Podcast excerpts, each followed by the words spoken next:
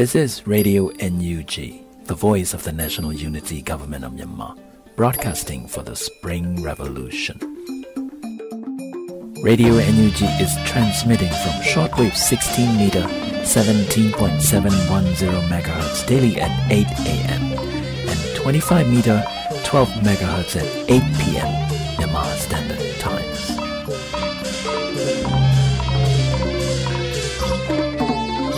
Mingla အမျိုးသားညီညွတ်ရေးအစိုးရရဲ့အသံလွှင့်ဌာန Radio NUG ကိုမနေ့၈နာရီမှာလိုင်းဒိုမီတာ16မီတာ19.87 MHz ညဘက်မှာလိုင်းဒိုမီတာ25မီတာ17 MHz တို့မှာတိုက်ရိုက်ဖမ်းယူနားဆင်နိုင်ပါပြီမင်္ဂလာအပေါင်းနဲ့ပြည့်စုံကြပါစေခုချိန်ကစပြီး Radio NUG အစီအစဉ်လေးကို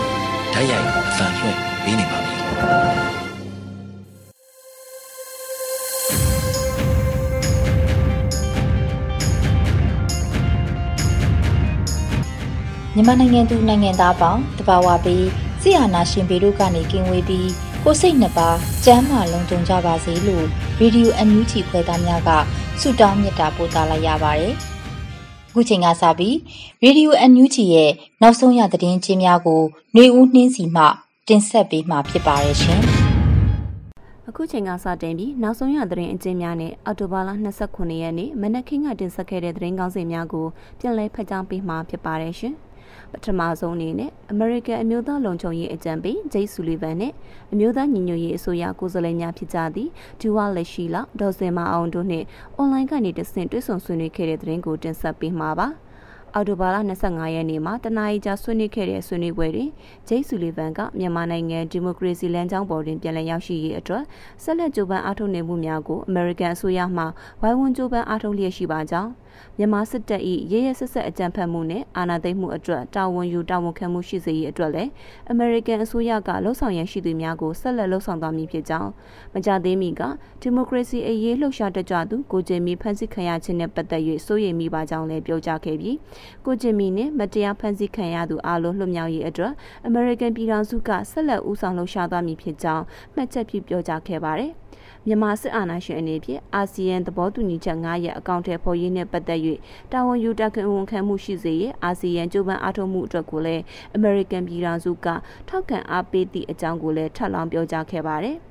ဆက်လက်ပြီးအမေရိကန်အမျိုးသားလုံခြုံရေးအကြံပေးဂျိတ်ဆူလီဗန်အမှအမေရိကန်သည်စစ်မှန်သောဒီမိုကရေစီလိုလားသည့်မြန်မာနိုင်ငံသားများ၏သဘောထားနှင့်ထပ်တူရှိကြောင်းတမဒဂျိုဘိုင်ဒန်အာဆီယံထိပ်သီးဆွေးနွေးပွဲကိုဥဆောင်တက်ရောက်လာသည်မှာမြန်မာအရေးအတွက်ဖြစ်ပါကြောင်းထပ်လောင်းဆွေးနွေးခဲ့ကြောင်းသိရှိရပါတယ်။ဆက်လက်ပြီးမြန်မာအရေးလွှမ်းမိုးခဲ့တဲ့38ကြိမ်မြောက်အာဆီယံထိပ်သီးအစည်းအဝေးမှာဒေသတွင်းကအာဆီယံအဖွဲ့ဝင်နိုင်ငံများရဲ့ဝန်ကြီးချုပ်များကမြန်မာအရေးပေါ်သုံးသပ်ဆွေးနွေးချက်များကိုတင်ဆက်ပေးမှာပါ။ online ကနေကျင်းပတဲ့အာဆီယံထိပ်သီးအစည်းအဝေးမှာဘရူနိုင်းနိုင်ငံကဦးဆောင်တဲ့အစည်းအဝေးတွင်အင်ဒိုနီးရှားသမ္မတ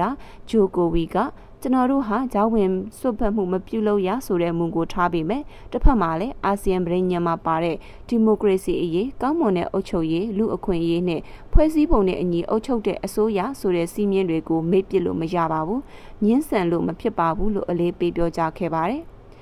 အော်တိုဘာလ28ရက်နေ့မှာ အာဆီယံအလှည့်ကျဥက္ကဋ္ဌတာဝန်လွှဲပြောင်းယူဖို့ရှိတဲ့ကမ္ဘောဒီးယားနိုင်ငံဝန်ကြီးချုပ်ကတော့အာဆီယံကချမှတ်ထားတဲ့ဘုံသဘောတူညီချက်တွေအကောင့်ထဲပေါ်ရေးမှာမြန်မာစစ်အာဏာပိုင်တွေဘက်ကတည်တာတဲ့တိုးတက်မှုမပြလို့ဒီလိုအခြေအနေတွေကိုမြင်တွေ့ရတာဖြစ်တယ်လို့ပြောပါတယ်။ထိုင်ဝန်ကြီးချုပ်ပရာယုတ်ချန်အိုချာကအာဆီယံအနေနဲ့မြန်မာနိုင်ငံအရေးကိုပူးပေါင်းဖြေရှင်းနိုင်မှသာကမ္ဘာအလယ်မှာဂုဏ်ထိပ်ကရှိတဲ့အဖွဲ့အစည်းဖြစ်ရည်တည်နိုင်မှာဖြစ်တယ်လို့ပြောပါတယ်။ စင်ကာပူဝန်ကြီးချုပ်လီရှန်လွန်ကလည်းမြန်မာစစ်တပ်အနေနဲ့အာဆီယံနဲ့ဆွေးနွေးသဘောတူညီထားချက်တွေကိုအလေးထားလိုက်နာရမယ်လို့အလေးပေးပြောကြားခဲ့ပါတယ်။မလေးရှားဝန်ကြီးချုပ်မူဟီဒင်ရရှင်ကတော့ရိုဟင်ဂျာအရေးကိုသာအလေးပေးပြောကြားခဲ့တာတွေ့ရှိရပြီးကြံအဖွဲ့ဝင်နိုင်ငံများကတော့အပြုသဘောဆောင်တဲ့ဆွေးနွေးချက်များကိုပြောဆိုဆွေးနွေးကြပါတယ်။ ဆက်လက်ပြီးအမျိုးသားညီညွတ်ရေးအစိုးရအလို့သမားရေးဝန်ကြီးဌာနဒုတိယဝန်ကြီးနဲ့ထိုင်းနိုင်ငံရှိမြန်မာအလို့သမားများတွဲဆုံဆွေးနွေးတဲ့သတင်းကိုတင်ဆက်ပေးပါမယ်။အဆိုပါဆွေးနွေးပွဲကိုအမျိုးသားညီညွတ်ရေးအစိုးရအလို့သမားဝန်ကြီးဌာနမှတာဝန်ရှိသူများထိုင်းနိုင်ငံရှိ မြန်မာအလို့သမားအရေးကူညီဆောင်ရွက်ပေးလျက်ရှိသောအဖွဲ့အစည်းများနဲ့ထိုင်းနိုင်ငံဒေသသီးသီးရှိစက်ရုံအလုပ်ရုံများမှမြန်မာအလို့သမားကိုယ်စားလှယ်60ဦးကျော်တက်ရောက်ခဲ့ကြပါတယ်။အမျိုးသားညီညွတ်ရေးအစိုးရ၏အာဆီယံဆိုင်ရာတဲ့အမှတ်ကြီးအဖြစ်ဦးဘိုလာတင်အားခန့်အပ်တာဝန် PS ဆိုတဲ့သတင်းကိုတင်ဆက်ပေးပါမယ်။ အော်တိုဘာလ24ရက်နေ့မှာစတင်ပြီးအာဆီယံအဖွဲ့ကြီးနှင့်ဆက်ဆံရေးပူးပေါင်းဆောင်ရွက်ရေးလုပ်ငန်းများပုံမိုတိုးမြင့်ဆောင်ရွက်နိုင်ရန်အတွက်ဥပူလှတင်အားတန်အမတ်ကြီးအဖြစ်ခန့်အပ်တာဝန်ပေးအပ်လိုက်ကြောင်းအမျိုးသားညီညွတ်ရေးအစိုးရ NUG မှထုတ်ပြန်ကြေညာလိုက်တာပါဥပူလာတင်သည်ဝန်ကြီးချုပ်ဒေါက်တာစိန်ဝင်းဦးဆောင်သည့် National Coalition Governments of the Unions of Burma NCGUB အစိုးရအဖွဲ့တွင်ဆောက်လုပ်ရေးဝန်ကြီးတတုတွင်ဝန်ကြီးနှင့်နိုင်ငံခြားရေးဝန်ကြီးတာဝန်ကို2012ခုနှစ်အထိ ထမ်းဆောင်ခဲ့သူဖြစ်ပြီးကုလသမဂ္ဂမြန်မာကိုယ်စားလှယ်အဖွဲ့တွင်လည်းပါဝင်တာဝန်ထမ်းဆောင်ခဲ့သူတဦးဖြစ်ပြီးယခုအမျိုးသားညီညွတ်ရေးအစိုးရ IUG ကအာဆီယံဆိုင်ရာတအမတ်ကြီးအဖြစ်ခန့်အပ်တာဝန်ပေးအပ်ခဲ့ခြင်းဖြစ်ကြောင်းသိရှိရပါတယ်။နောက်ဆုံးတင်ဆက်ပေးမယ့်သတင်းကတော့ဝန်ကြီးရုံးနှင့် Trio မိသက် CDN အုပ်ချုပ်ရေးကမ္ဘာတီများအစည်းအဝေးကျင်းပဆိုတဲ့သတင်းပဲဖြစ်ပါတယ်။ အမျိုးသားညီညွတ်ရေးအစိုးရပြည်ထရေးနှင့်လူဝင်မှုကြီးကြပ်ရေးဝန်ကြီးဌာနဝန်ကြီးရုံးသည်ယနေ့အောက်တိုဘာလ26ရက်နေ့တွင်အထွေထွေအုပ်ချုပ်ရေးဦးစီးဌာနစီရီယံဝန်ထမ်းများအုပ်ချုပ်ရေးကမတီမြန်မာနိုင်ငံလုံးဆိုင်ရာစီရီယံမိသက်ဝန်ထမ်းများကိုစားပြုကမတီတို့နှင့်အစည်းအဝေးပြုလုပ်ခဲ့ပါသည်ယခုလ23ရက်နေ့တွင်မြန်မာနိုင်ငံလုံးဆိုင်ရာစီရီယံမိသက်ဝန်ထမ်းများကိုစားပြုကမတီကိုတော်၎င်းအခုလ14ရက်နေ့တွင်အထွေထွေအုပ်ချုပ်ရေးဦးစီးဌာနစီရီယံဝန်ထမ်းများအုပ်ချုပ်ရေးကမတီကိုတော်၎င်းအသီးသီးဖွဲ့စည်းထားခဲ့ပြီး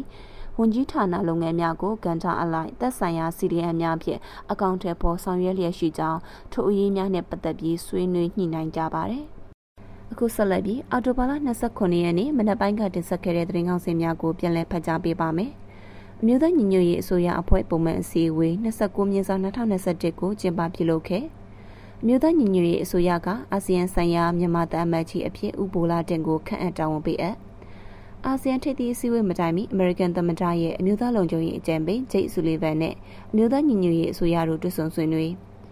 SNLD ပါတီတည်ထောင်ခြင်း33နှစ်မြောက်နေ့အတွက်ပြည်ထောင်စုသမ္မတမြန်မာနိုင်ငံတော်ယာယီသမ္မတဒူဝါလရှိလာကတဝန်လာပေးပို့ခဲ့အတင်းအဓမ္မတအားကောက်ခံခြင်းများဆက်လက်လှုပ်ဆောင်လျင်နိုင်ငံတော်ကျေးဇူးသစ္စာကိုဖောက်ဖျက်ပုံကမှုဖြင့်အရေးယူမည်အကြောင်းအယူကြီးကကြေညာ အာနာသိန်းစစ်ကောင်စီအကျိုးစီးပွားအတွက်ကူညီနေသည့်စီးပွားရေးတမှုတွေကိုအမိဖြတ်စည်ရင်းဝင်သူများအဖြစ်မြို့သားညီညွတ်ရေးအစိုးရကသတ်မှတ်ခြင်းညာမြန်မာနိုင်ငံတဝန်ကလူမျိုးပေါင်းစုံဘာသာပေါင်းစုံပါဝင်တဲ့စစ်အာဏာရှင်အမြင့်ဖြတ်ချေမှုန်းရေးလူထုဆန္ဒပြပွဲများဆက်လက်ဆင်နွှဲလျက်ရှိရခိုင်တွင်စစ်သွန်နေစင်းနှုန်းသုံးဆအထိမြင့်တက်နေဖုန်တဲနိုင်ငံရေးနှင့်သက်ဆိုင်သူများတွေ့သည်ဟုဆိုကတဝဲမှလူငယ်သုံးဦးကိုစစ်ကောင်စီတပ်ကဖမ်းဆီး တဝဲတွင်လူငယ်နှစ်ဦးကိုစစ်ကောင်စီတပ်ကပစ်တက်ပြီးအလောင်းလာယူရန်အကြောင်းကြားစစ်ရေးတက်မှမှုများကြောင့်ဖောင်းဆိုင်ဒေသခံများစပားရိတ်တရန်အခက်အခဲဖြစ်နေစသည်တို့ဖြစ်ပါတယ်ကျွန်မအနွေဦးနှင်းစီပါရေဒီယိုအန်ယူဂျီမှဆက်လက်တန်လှည့်နေပါတယ်အခုဆက်လက်ပြီးမြမပြည်ရဲ့စစ်နဲ့နိုင်ငံရေး New Normal ပါလဲဆိုတဲ့မုမခဆောင်းပါးကိုຫນွေဦးဟန်နီမှတင်ဆက်ပေးမှာဖြစ်ပါတယ်ရှင်။ မြန်မာပြည်ရဲ့စစ်နယ်နိုင်ငံရေး new normal ပါလဲမြန်မာနိုင်ငံနိုင်ငံအရေးအကျပ်တဲကလေးကတရစ်ပြီးတရစ်ဖြည့်ရှင်းဖို့ပိုခက်ခဲနေတဲ့အခြေအနေတွေတိုးဝင်နေတယ်လို့ထင်မြင်မိတယ်။တန်တမန်အရေးရဖိအားပေးပိတ်ဆို့မှုဖယ်ကျင်မှုစတဲ့နီးနာတွေနဲ့စ조사နေကြတာကနေ့စဉ်သတင်းတွေရဲ့သတင်းကောင်းစင်လို့ဖြစ်နေပါတယ်။ ဘာလို့ဆိုနိုင်ငံတကာအဖွဲ့အစည်းတွေအစိုးရတွေကုလသမဂ္ဂစတဲ့အဖွဲ့အစည်းတွေရဲ့အတန်တွေပြောဆိုမှုတွေဖြစ်နေတာကြောင့်မြမအရေးကိုဖြည့်ရှင်းဖို့တန်တမန်ရေးဖိအားပေးတာစီးပွားရေးပိတ်ဆို့တာတွေတရပြီးတရလှုပ်ဆောင်နေကြတာတွေ့နေရပါတယ်။ ဒါတွေကမြမအရေးကိုနိုင်ငံတကာအဖွဲ့အစည်းတွေဒေသတွင်းအဖွဲ့အစည်းအာဆီယံတို့ကလက်ပိုက်ကြည့်မနေဘူးလူတို့ကိုလက်နက်နဲ့ဖိနှိပ်အုပ်ချုပ်တပ်ဖြတ်ဖမ်းဆီးနေပိုင်ဆိုင်မှုတွေဖျက်ဆီးသိမ်းယူမိရှို့နေတဲ့စစ်တပ်ကိုမထောက်ခံမှုဆိုတာကိုပြသဖို့ကြေညာချက်တွေထုတ်ပြန်ချက်တွေဆုံးဖြတ်ချက်တွေထုတ်နေကြတဲ့သဘောလိုနားလည်ပါတယ်အဲ့လိုနိုင်ငံတကာကထောက်ခံမှုကအရေးကြီးတာအမှန်ပါ။ဒါပေမဲ့အဆုံးဖြတ်တော့မဟုတ်ပါဘူး မြန်မာနိုင်ငံဟာခေတ်သစ်စစ်အေးခင်းကျင်ရဲ့ရှေ့တန်းမျက်နှာစာမဟုတ်လို့ရေနံလိုစွမ်းရည်အရေးမြစ်တွေအတွက်မရှိမဖြစ်အရေးကြီးတဲ့နိုင်ငံမဟုတ်လို့နိုင်ငံတကာမှာအကြမ်းဖက်အဖွဲ့အစည်းတွေနဲ့ချိတ်ဆက်ပြီးအကြမ်းဖက်မှုတွေကိုတင်ပို့နေတဲ့နိုင်ငံမဟုတ်လို့ကွန်မြူနစ်အရင်ရှင်စတဲ့ခေတ်ကလိုလွယ်လွယ်နဲ့စစ်ရေးအရာလက်ဝင်ပါကြတဲ့အချိန်အခါမျိုးမဟုတ်ကြတော့လို့စစ်ရေးအရာလက်ဝင်ရှို့ကြမဲ့လက္ခဏာမရှိပါဘူးဒီလိုလက်ဝင်ရှို့ကြတဲ့တာရကအဖြစ်ပြက်တွေကလည်းစသိမ်းမကောင်းကြတာများတာတွေ့ရမှာပါ အီရတ်၊လစ်ဗျား၊အာဖဂန်နစ္စတန်စတဲ့နိုင်ငံတွေကစစ်ရေးဆွတ်ဖက်မှုတွေကရည်မှန်းချက်အာဏာရှင်ဖြုတ်ချရေးအောင်မြင်နေဆိုပေမဲ့လည်းဒီမိုကရေစီကိုတိဆောက်နိုင်တဲ့ရလဒ်မျိုးမထွက်ခဲ့ကြပဲပိုရှုပ်ထွေးတဲ့အခြေအနေမျိုးအသစ်ဖြစ်ပေါ်လာတာမျိုးပဲဖြစ်လို့ကမ္ဘာမှာရေပန်းမစားကြတော့ပြန်တာဖြစ်ပါတယ်။မြန်မာနိုင်ငံဟာတရုတ်နိုင်ငံအဖို့အနောက်တောင်ဒေသတွေရဲ့ပင်လယ်ထွက်ပေါက်ဖြစ်လို့အရေးပါတာမှန်ပါတယ်။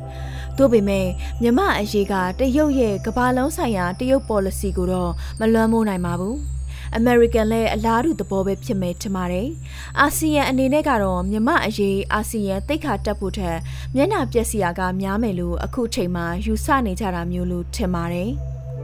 ဒီနေရာမှာပြည်တွင်းကလူတွေရဲ့ခံစားချက်အမြင်တွေကိုပြန်ကြည့်မယ်ဆိုရင်လူအများရဲ့ဆန္ဒကိုစန့်ကျင်ပြီးလူနည်းစုအကျိုးစီးပွားအတွက်နိုင်ငံရေးအာဏာကိုသိမ်းယူကစားပွဲကိုစီးမြင့်တွေဖျက်ပြီးအကုန်တစ်ကပ်ပြန်ဆမယ်မပါစေခြင်းသူတွေကိုထိ ंछ ချုပ်ထားမယ်ဆိုတာမျိုးကြေညာတဲ့စစ်တပ်ကိုစစ်တပ်ခေါင်းဆောင်ကိုဒီနေရာကနေဖယ်ရှားခြင်းနေတာအများစုရဲ့ဆန္ဒဖြစ်ပါတယ်။ အဲ့ဒီအထက်နိုင်ငံရေးဗဟုသုတရှိသူကြဲပြတ်တဲ့အမြင်ရှိသူတွေကတော့ Federal ကိစ္စလူနည်းစုအရေးလူမျိုးစုအရေးဆိုတာပါတပြိုင်နက်တည်းဖြည့်ရှင်းရတော့မယ်ဆိုတာနားလေသဘောပေါက်လာကြပေမယ့်လူတိုင်းအဆင့်တိုင်းမှာသိကြတဲ့သဘောတော့မဟုတ်သေးပါဘူး။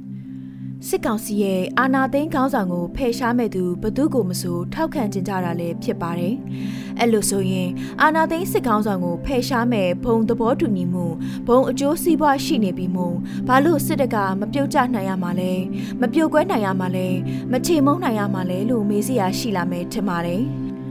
စစ်တပ်ကိုမကြိုက်တာမှန်ပေမဲ့လည်းအခုစစ်တပ်ကိုပြုတ်ကျအောင်လုပ်မယ်ဆိုတဲ့အဖွဲ့အစည်းကိုလည်းစွမ်းဆောင်ရည်အရာအခြေခံမူဝါဒအရာယာနှုံးပြေမယုံကြည်နိုင်တဲ့ပြဿနာရှိနေကြတဲ့သဘောလည်းတွေ့ရပါလိမ့်မယ်။ဥပမာအားဖြင့်ပြရရင်စစ်အာဏာသိမ်းပြီးနောက်စစ်ကောင်စီတပ်တွေနဲ့တိုက်ပွဲကြီးကြီးမားမားမဖြစ်တာလုံးဝမဖြစ်တဲ့လက်နက်ကိုင်အဖွဲ့အစည်းတွေရှိနေကြတာတွေ့ရမှာဖြစ်ပါတယ်။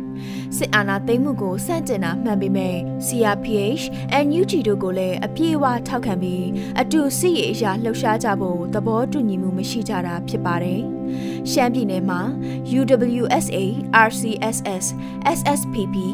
SSA နဲ့ရခိုင်ပြည်နယ်မှာ AA တို့လိုတိုင်းရင်းသားလက်နက်ကိုင်အဖွဲ့တွေအနေနဲ့စစ်အာဏာသိမ်းမှုကိုစန့်ကျင်ပေမဲ့ NLD ခေါင်းဆောင်တဲ့ NUG နဲ့လည်းလက်တွဲလှုပ်ဆောင်မဲ့အလားအလာအရေးအယောင်တွေမရှိတာတွေ့ရမှာဖြစ်ပါတယ်။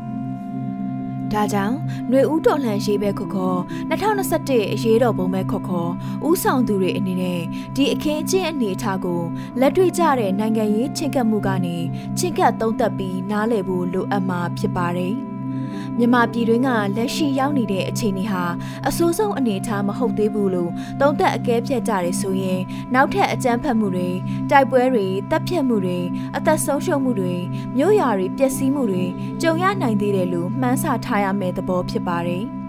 လူလူအဖို့ဘယ်အရာတွေပြင်ဆင်ထားရမလဲစားနပ်ရိက္ခာစေဝါငွေကြေးစတာတွေပြင်ဆင်စုဆောင်းထားဖို့လိုအပ်မယ်လို့ဆိုကြရမှာအမှန်ပဲဖြစ်ပါတယ်။ ဒီနှစ်မှာတော့မြန်မာနိုင်ငံရဲ့နေရအနှံ့ပြမှာလေယာစိုက်ပျိုးသူတွေလက်နက်ကင်တိုက်ပွဲတွေဖမ်းဆီးနှိပ်စက်မှုတွေကြောင့်ကိုယ့်လေကိုယ့်ရာကိုမစိုက်ပျိုးနိုင်ကြတော့ပဲအချိန်လွန်သွားကြတာတွေအများအပြားရှိနေမှာပါတစ်ဖက်မှာလည်းကုန်ထုတ်လုပ်မှုလျော့နေတယ်လို့လူတဦးချင်းဝင်ငွေတွေလည်းလျော့ကြပြီးတုံးဆွဲနိုင်စွမ်းလည်းကျဆင်းနေတာဖြစ်ပါတယ်။အ ခုနေမှာနောက်လာမယ့်6လတာကာလဟာဘာတွေဖြစ်မလဲဘလို့ဖြစ်မလဲဆိုတာတော့ဘယ်သူမှမှန်းဆခြင်းမတတ်နိုင်ကြပဲအဖြစ်အပျက်တွေရဲ့ခက်ခဲရှုပ်ထွေးလာမှုဖြည့်ရှင်းရခက်ခဲလာမှုတွေကိုသာထပ်ပြီးကြုံတွေ့ကြရဖို့များတယ်လို့ထင်မြင်မိပါတော့တယ်ဆိုတာကိုတင်ဆက်ပေးလိုက်ရပါတယ်ရှင်။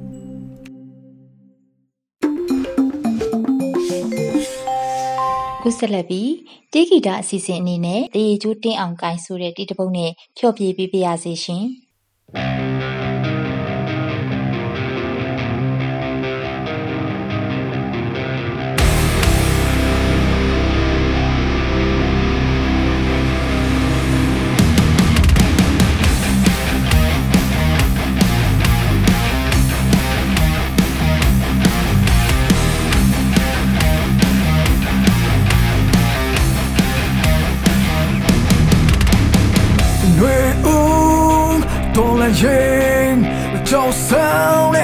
တို့တွေတွေ့နေရဲမစိအာလာယူတော့ပွဲငါရဲကိုခွေလို့တွားချိန်အမှန်တရားတစ်ခုအတွက်ငါတို့တွေတစ္ဆာပြူမဲ့ပုံကံမှန်ညီညွတ်ချဟဲ့ရာဇဝင်တွင်ချမ်းတွေရှင်တွေဖဲရှိတို့ကိုအောင်ကန်စေဒီတိုက်ပွဲမှာတို့အောင်လန်တွေလွင်လွင်လွင်လွင်လွင်လွင်အလွင်ကြလို့ဟဲ့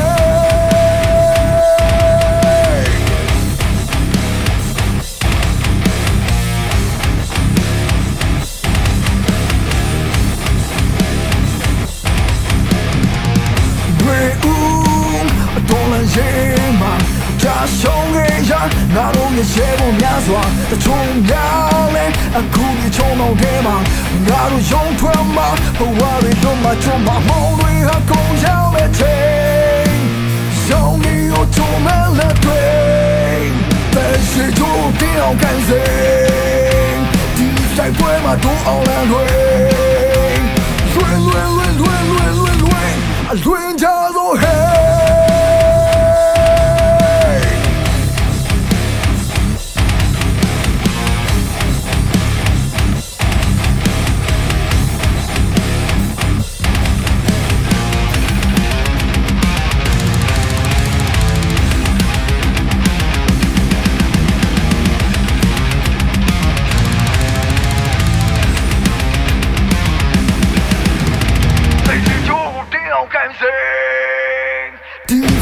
မှာဒိုးအောင်လန်းလွင်ဖယ်ရှိချိုးတင်းအောင်ကန်စေ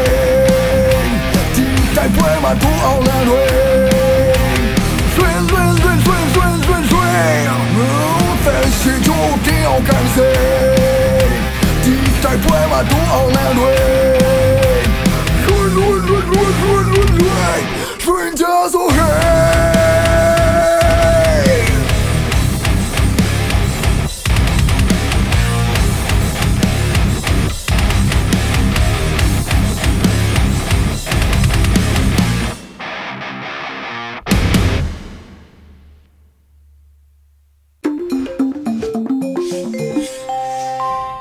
ရေဒီယိုအန်ယူဂျီမှဆက်လက်တန်လှည့်နေပါတယ်။အခုဆက်လက်ပြီးပြည်သူ့ကာကွယ်ရေးတပ်ဖွဲ့ဝင်များနဲ့အမေးဖြေကဏ္ဍကိုတင်ဆက်ပေးမှာဖြစ်ပါတယ်ရှင်။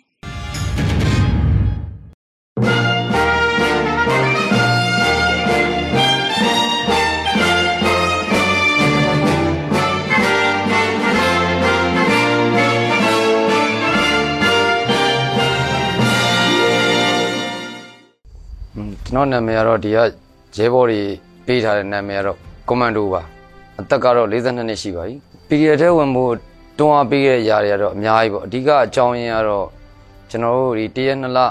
2017အာနာသိမ့်ပြီးနောက်ပိုင်းမှာစစ်ကောင်စီကပြုမှုခဲ့တဲ့အပြုမှုတွေပေါ်မှာအခြေခံပြီးတော့မခံမြန်းနိုင်ဖြစ်တဲ့စိတ်ဓာတ်ကနေအမှန်တရားဘက်ကိုယက်တည်ဖို့အတွက်ကျွန်တော်တို့ဟိုတမိုင်းပေးတောင်းဝင်ရပြည်သူတယောက်လှုပ်သိမ်းလှုပ်ထိုက်တဲ့ လှုပ်တစ်ခုကိုလှုပ်ရမယ်ဆိုရယ်ခံယူချက်တစ်ခုတည်းနဲ့တင်ကျွန်တော် PDF ထဲကိုရောက်လာတာပါကျွန်တော်တို့တက်နိုင်တဲ့ဆွမ်းအားနဲ့မတရားမှုတွေကိုကျူးလွန်နေတဲ့လက်နက်ကလက်နက်အားကိုးပြီးတော့ပြည်သူတွေကိုနိုင်ကျင့်နေတဲ့ဒီစစ်ကောင်စီကိုတက်နိုင်တဲ့ဘက်ကနေတော်လန်မယ်ဆိုတဲ့စိတ်နဲ့ PDF ထဲကိုရောက်လာတာပါအဲကျွန်တော်မိသားစုကိုတိုင်ပင်ခဲ့ရတော့မရှိပါဘူးဒါပေမဲ့ကျွန်တော်မိသားစုကိုတော့ကျွန်တော်ဆွန့်လွတ်ခဲ့ရပါတယ်ကျွန်တော်သားသမီးတွေနဲ့ဇနီးမယားတွေကိုဆွန့်ပစ်ထားခဲ့ရပါတယ်အတိလည်းမပေးခဲ့ပါဘူးကျွန်တော်ဒီထဲကိုရောက်လာဘူးစစ်တင်နန်းရဲ့သဘောတရားအရတော့ကျွန်တော်တို့ခက်ခဲပင်ပန်းမှုတွေ ကြမ်းတမ်းခက်ထန်မှုတွေတော့ရှိသမျှပါပဲဒါပေမဲ့ကျွန်တော်တို့ရဲ့ကျွန်တော်မှာအဓိကစင်ကမှုကအသက်အရွယ်ပိုင်းခြားရကျွန်တော်တို့ခန္ဓာကိုယ်ကြံ့ခိုင်မှုမှာအားနည်းချက်တွေရှိတဲ့အတွက်ဒီတင်နန်းရဲ့ပင်မမှုတန်တွေကိုစိတ်သက်အားတင်းပြီးတော့ကျွန်တော်တို့ကြော်ဖြတ်ခဲ့ပါတယ်။ဘာကြောင့်ဒီလိုကြော်ဖြတ်နိုင်ခဲ့သလဲဆိုရင်ကျွန်တော်တို့ဒီအချိန်မှာမှကျွန်တော်တို့ပြည်သူလူထုတွေအားလုံးရဲ့ညီညွတ်မှုနဲ့ကျွန်တော်တို့ PDF NUG ဥဆောင်တဲ့ PDF တက်မတော်ရဲ့စွမ်းအားတွေနဲ့စုပေါင်းပြီးတော့ဒီအာနာယူတွေစစ်ကောင်စီတွေကိုမတွန်းလှန်ခဲ့ဘူးဆိုရင် နောင်မျိုးဆက်တွေအဆက်ဆက်မှာကျွန်တော်အများအားဒီလိုနိုင်ကျင့်ခံရတဲ့အပြုမှုမျိုးတွေကိုပဲကြုံတွေ့နေရမှာပါအဲ့တော့ဒီချိန်ဟာအခွင့်အရေးအကောင်းဆုံးအချိန်ကျွန်တော်တို့ပြည်သူလူထုအားလုံးရဲ့စီလုံးညီညွတ်မှုရေချိန်မြင့်တက်နေတဲ့အချိန်ဖြစ်တဲ့အတွက်ဒီချိန်မှာဒီလုပ်ကိုလုပ်ကိုလုပ်ရမယ်ဆိုတဲ့အသိစိတ်ဓာတ်နဲ့ဒီတင်တန်းမှာတွေ့ကြုံရတဲ့ခက်ခဲပင်ပန်းမှုတွေကိုကျွန်တော်တို့သိခံပြီးတော့အားကျိုးမှန်တဲ့ကြိုးစားဖြတ်ကျော်ခဲ့ရပါတယ်အဲတင်တန်းမှာအဓိကသင်မှုကတော့ကျွန်တော်တို့ကလက်နက်ကျွမ်းကျင်မှုအပိုင်းစစ်ဗျူဟာအပိုင်း ပြီးတော့လက်နက်ကင်တပ်ဖွဲ့တွေမှာထားတင်ထားရတဲ့စီမင်းစည်းကမ်းပိုင်းနိုင်ငံတကာစီမင်းဥပဒေတွေပိုင်းတွေကိုကျွန်တော်အဆင့်ဆင့်သင်ယူခဲ့ရပါတယ်လက်နက်ကျွမ်းကျင်မှုပိုင်းဒီမှာဆိုရင်လက်နက်ကျွမ်းကျင်မှုတွေဟိုအဓိကသင်ယူခဲ့ရသလိုလက်နက်ကင်တဲ့အဖွဲ့အစည်းတွေရဲ့စောင့်ထင်းရမယ့်ဥပဒေတွေပြည်သူတွေပေါ်ထားရှိရမယ့်စိတ်ဓာတ်တွေနိုင်ငံတကာသတ်မှတ်ထားတဲ့လက်နက်ကင်အဖွဲ့အစည်းတွေအတွက်သတ်မှတ်ထားတဲ့ဥပဒေတွေကိုအဓိကတင်ကြားခဲ့ရပါတယ်ကျန်တာတွေကတော့ကျွန်တော်တို့ဒီစစ်ကောင်စီကိုတွန်းလှန်တဲ့နေရာမှာအဓိက အသုံးဝင်မဲ့စစ်ပညာတွေစစ်ဗျူဟာပိုင်းတွေခန္ဓာကိုယ်ကြန့်ခိုင်မှုပိုင်းတွေလက်နက်ကျွမ်းကျင်မှုပိုင်းတွေမိုင်းပိုင်းတွေကိုလည်းအဓိကထားသင်ယူခဲ့ရပါတယ်အဓိကကတော့ကျွန်တော်တို့လက်နက်ကင်ဖွဲ့စည်းရေးဆိုတာလက်နက်ကင်တက်ယုံလက်နက်ကိုကျွမ်းကျင်စွာအသုံးပြုတဲ့ယုံနဲ့တော့ပြည်သူတွေကိုအားကိုးစရာဖြစ်လာမှာမဟုတ်ပါဘူးပြည်သူတွေအားကိုးစရာဖြစ်ဖို့အတွက်မှန်ကန်တင့်တော်တဲ့စိတ်ဓာတ်စိတ်သဘောထားတွေထားရှိဖို့အဓိကကြပါတယ်ကျွန်တော် PDF တက်မလို့ကတော့ PDF တက်သားတွေကိုအဓိကလေ့ကျင့်ပေးတဲ့နေရာမှာဆရာဆရာကြီးအားလုံးကလည်း လက်နက်ကင်ဖွဲ့စည်းထားမယ်အဓိကစီကံမိုင်းတွေကိုအဓိကဦးစားပေးပြီးလေ့ကျင့်ပေးတယ်ပြီးတော့နှစ်ပေါင်းများစွာပြည်သူလူထုလက်နက်အားကိုးလာလက်နက်အားကိုးနဲ့အနိုင်ကျင့်လာတဲ့ဒီစစ်ကောင်စီကိုတော်လှန်မဲ့နေရာမှာပြင်းပြင်းထန်ထန်တော်လှန်တိုက်ခိုက်နိုင်မှုစိတ်ဓာတ်ကြက်ခိုင်မှုပိုင်းတွေခန္ဓာကိုယ်ကြက်ခိုင်မှုပိုင်းတွေဦးစားပေးပြီးသင်ပေးပါတယ်အဲ့ဒီအချက်နှစ်ချက်ကိုပဲကျွန်တော်အဓိကထားပြီးသင်ခဲ့ရပါတယ်တော်လှန်ရေးပြီးသွားရင်လည်းကျွန်တော်တို့နိုင်ငံကနှစ်ပေါင်းများစွာကမ္ဘာနိုင်ငံနဲ့ရှင်လိုက်ရင်အများကြီးနောက်ကျကျန်နေခဲ့ပါ යි မျိုးဆက်နှစ်ခုစာလောက်ကိုကျွန်တော်တို့အသက်အရွယ်နဲ့တော့များများဆဆလုံနိုင်တော့မှမဟုတ်ပေမဲ့ဟိုပြန်လဲထူထောင်ရေးပိုင်းနေမှာလှုပ်တဲ့ခါမှာလဲကိုကြရကဏ္ဍကနေအသက်မသေးပဲကြံခဲ့မယ်ဆိုရင်တက်ဆန်းသွေးတော့လုံနေဦးမှာပါကိုယ့်ထက်ငယ်ရွယ်ပြီးအရေးချင်းရှိတဲ့အရေးသွေးရှိတဲ့ဥဆောင်နိုင်မဲ့သူတွေကိုလည်းတတ်နိုင်သမျှပခုံးမော်ထမ်းတင်တွန်းတင်ပေးဖို့ရွေထားပါတယ်ပြီးတော့တကယ်လို့များကျွန်တော်တို့အသက်ရှင်ကြံခဲ့မယ်ဆိုရင်ကိုယ်ပတ်ဝန်းကျင်မှာပဲလူမှုရေးလုပ်ငန်း ပတ်ဝန်းကျင်တွေပရိုက်တာလုပ်ငန်းတွေလုပ်ပြီးမိသားစုနဲ့အေးအေးဆေးဆေးကျွန်တော်ဘဝကိုကြံလက်ကြံဘဝလေးကိုဖြတ်တန်းကျင်ပါတယ်ပြည်သူတွေကိုကျွန်တော်သတင်းစကားပေးချင်တာကတော့ကျွန်တော်ပြည်သူတွေကလက်ရှိချိန်မှာဒီကဘာလုံးကစံထားလောက်ရတဲ့ဇွဲတက်တိရှိတဲ့ပြည်သူလူထုတွေဖြစ်နေပါပြီကကဘာကဘာကယောဂနှိမ့်ဆက်တဲ့ဒဏ်ကိုရောစစ်ကောင်စီရဲ့ရိုင်းဆိုင်ရုံမာတဲ့အပြုတ်မှုတွေရောအမျိုးမျိုးကာလတို့အတွင်းမှာလူလိန်ခံနေရတဲ့အချိန်မှာတောင်မှပြည်သူတွေကကြမ်းကြမ်းခိုင်ပြီးတော့ ဖြတ်တန်းနေသေးပါအဲ့လိုဖြတ်တန်းနေတဲ့ပြည်သူတွေကိုလည်းကျွန်တော်တို့ကအထူးတလဲလေးစားပါတယ်ပြည်သူတွေနဲ့လည်းလက်တွဲပြီးတော့ဒီကျွန်တော်တို့ပြည်သူလူထုတရက်လုံးကိုအနိုင်ကျင့်နှစ်ပေါင်းများစွာအနိုင်ကျင့်မင်းမူလာတဲ့မကောင်းတဲ့အကျင့်စရာရှိတဲ့စစ်ကောင်စီဆိုတဲ့လက်နက်ကိုင်အဖွဲ့အစည်းကိုကျွန်တော်တို့အတူတကွဝိုင်းဝန်းပြီးတော့မြစ်ပြတ်သည့်အထိပေါ့တော်လန်ပုံကန်ကြဖို့အတွက် အာသွန်ခွန်တိုင်အားမွေးထားကြပါရုံကြီးကြီး PDF တက်မတော်နဲ့လက်တွဲပြီးတော့ရှေ့ဆက်ပြီးတော့တော်လန်ပေးကြပါလို့ကျွန်တော်ပြောချင်ပါတယ် PDF တက်မတော်ကလည်းပေးပြည်သူတွေယုံကြည်ထားတဲ့ယုံကြည်ချက်အတိုင်းတောင်းဝန်ကြေးပြောအောင်အစွမ်းကုန်စ조사ဆောင်ရွက်နေပါတယ်လို့သတင်းစကားပြောချင်ပါတယ်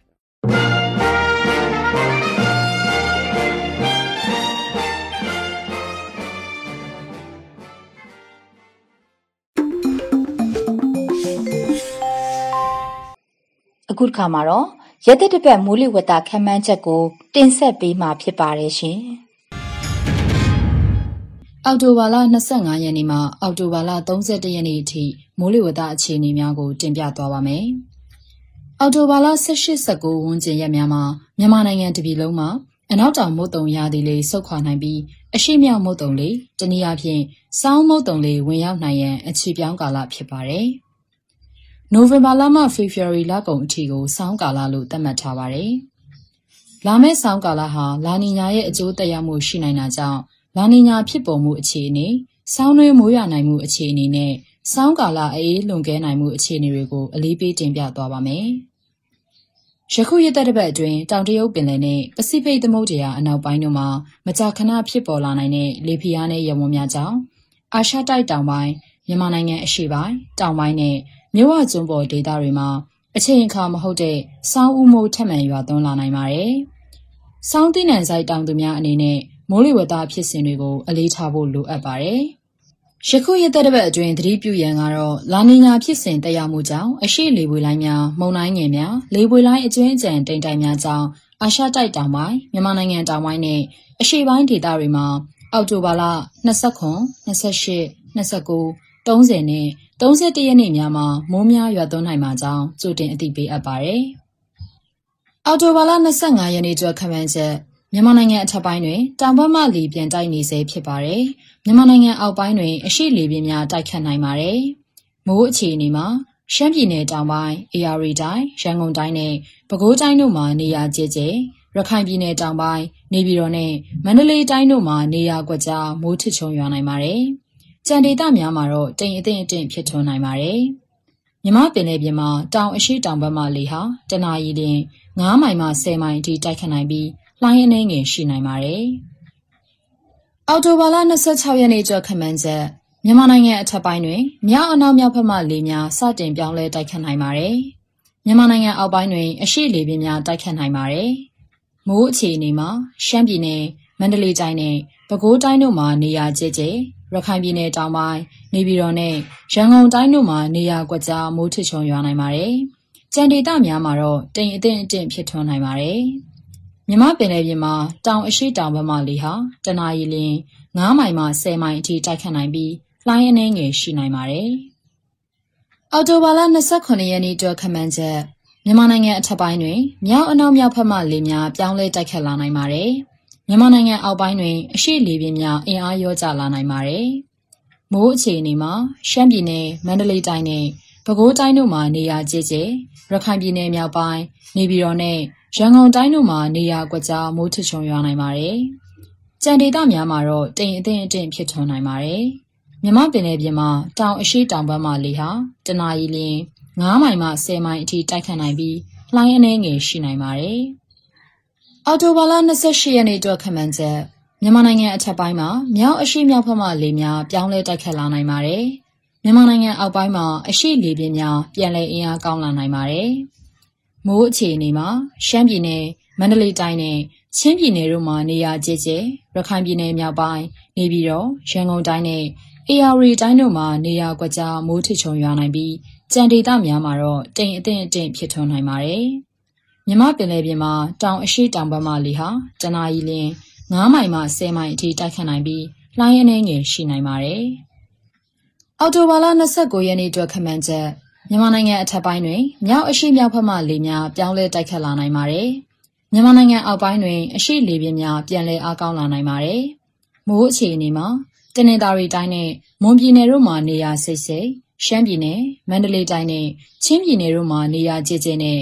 ရခိုင်ပြည်နယ်နေပြည်တော်ရန်ကုန်တိုင်းနဲ့ AR တိုင်းတို့မှာနေရာကွက်ကြားမိုးထချုံရွာနိုင်ပါတယ်။ကြံဒေသများမှာတော့တိမ်အထင်အထင်ဖြစ်ထွန်းနိုင်ပါတယ်။တနင်္သာရီတိုင်းမှာနေရာကွက်၍မိုးကြီးနိုင်ပါတယ်။မြမပင်လယ်ပြင်မှာတောင်အရှိတောင်ဘက်မှလေဟာတနအီလင်း9မိုင်မှ10မိုင်အထိတိုက်ခတ်နိုင်ပြီးလှိုင်းအနှဲငယ်ရှိနိုင်ပါတယ်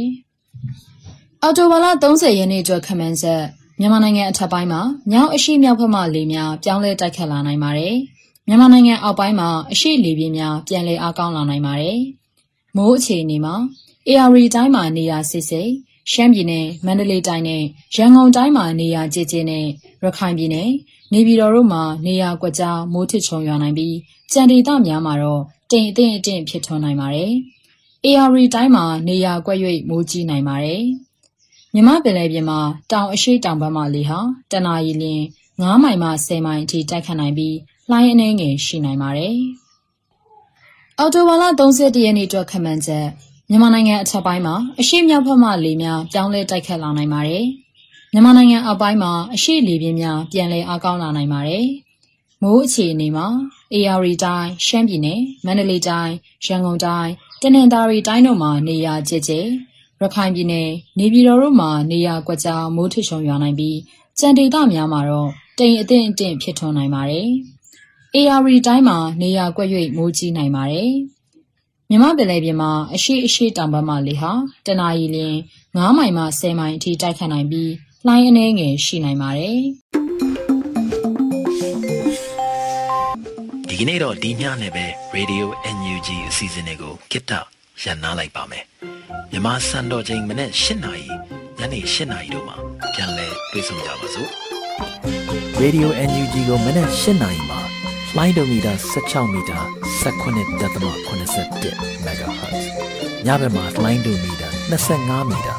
12 MHz တို့မှာတိုက်ရိုက်ဖမ်းယူနားဆင်နိုင်ပါပြီ။မြန်မာနိုင်ငံသူနိုင်ငံသားများကိုယ်စိတ်နှပြချမ်းမာချမ်းသာလို့ဘေးကင်းလုံခြုံကြပါစေလို့ Radio NUG အဖွဲ့သူအဖွဲ့သားများဆုတောင်းပေးလိုက်ပါတယ်။အမျိုးသားညီညွတ်ရေးအစိုးရရဲ့ဆက်သွယ်ရေးသတင်းအချက်အလက်နဲ့ ဤပညာဝန်ကြီးဌာနကထုတ်လွှင့်နေတဲ့ Radio NUG ဖြစ်ပါတယ်။ San Francisco Bay Area ခြေဆိုင်မြန်မာမိသားစုများနဲ့နိုင်ငံတကာကစေတနာရှင်များလုံအားပေးများရဲ့ Radio NUG ဖြစ်ပါတယ်။အရေးတော်ပုံအောင်ရမည်